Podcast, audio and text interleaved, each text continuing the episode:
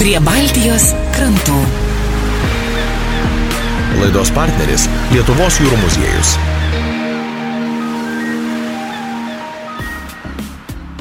Dar viena šeštadienio popietė ir dar viena laidų ciklo prie Baltijos krantų dalis. Šį kartą su Lietuvos jūrų muziejaus akvariumo ir jūrų gamtos skyrius vedėjų Sauliumi Karaliumi kalbėsime apie Baltijos jūroje gyvenančias ruonių rūšis. Pasirodo, jog ruoniai giminingi su susumoje gyvenančiais plėšriais žinduoliais.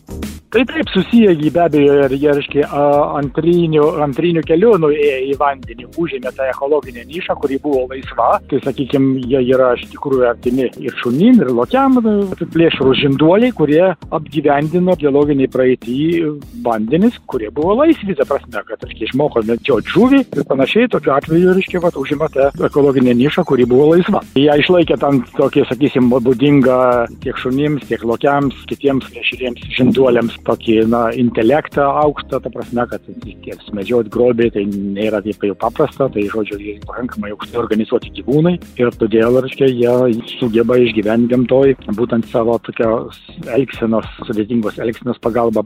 Ruoniai geba puikiai prisitaikyti, tačiau iššūkių visgi yra. Puikaus prisitaikymo gyventi vandenį pagalba, taip pat ir ištverti žiemas ir visa kita, tai žodžiu, va tie dalykai be abejo svarbus prisitaikymai yra, nes jiegi gyvena ne tik tai, sakysim, kalbant apie Baltijos jūrą, kuri yra iš principo nušalta jūra. Ir be abejo, žiemos būna, ypatingai praeitie, žiemos būdavo kietos ir užšaldavo didžioji dalis Baltijos jūros, būtent jų gyvenamoji aplinka ir susijusi su užšalančia jūra, būtent tuose zonuose paplitę, kur jūra užšala. Dabar šiuo metu vyksta klimato šiltėjimas ir aišku kelia problemų ruonių būtent išgyvenimui, nes jiems mažėja erdvės, sakysim, kur jie gali vesti savo jauniklius. Nu, jeigu kalbant apie Skandinavijos kraštus, tai žinokite, olėti labai krantai. Teškerai vadinamieji, reiškia, tūkstančių olėtų salelių, panašiai, reiškia, yra ir palei Suomiją, panašiai ir pagal Estiją. Tai žodžiu, va, šitos zonos yra pagrindinės gyvenamos zonos, reiškia, Baltijos ruonių.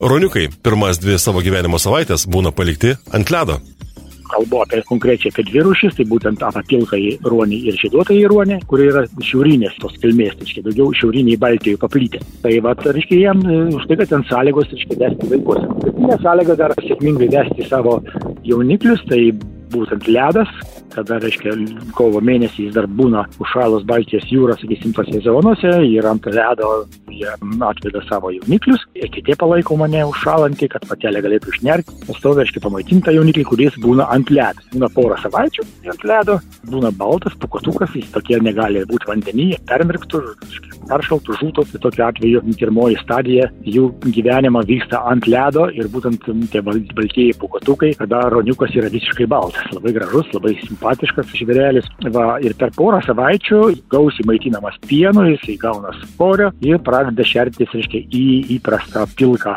dėmėtą kailį. Ir tada, reiškia, išsišėręs jauniklis jau gali nerti tą, tą pačią eketę, arba, reiškia, jau tuo laiku maždaug pradeda išeiti ledais, kilinėti ir panašiai. Ir tokiu būdu jauniklį natūraliai patenka savo natūralią aplinką, žiūrimi patelių ir panašiai. Nu, žodžiu, tai yra natūralus vyksmas to biologinio ciklo. Po trumpos pauzės su Lietuvos jūrų muziejaus akvariumo ir jūrų gamtos skyrius vedėjų Sauliumi Karaliumi kalbėsime apie dėl klimato kaitos kintančias ruonių gyvenimo sąlygas Baltijoje ir jų populiacijos skaičiaus kitimą iš esmės. Laidą remia Spaudos, radio ir televizijos remimo fondas.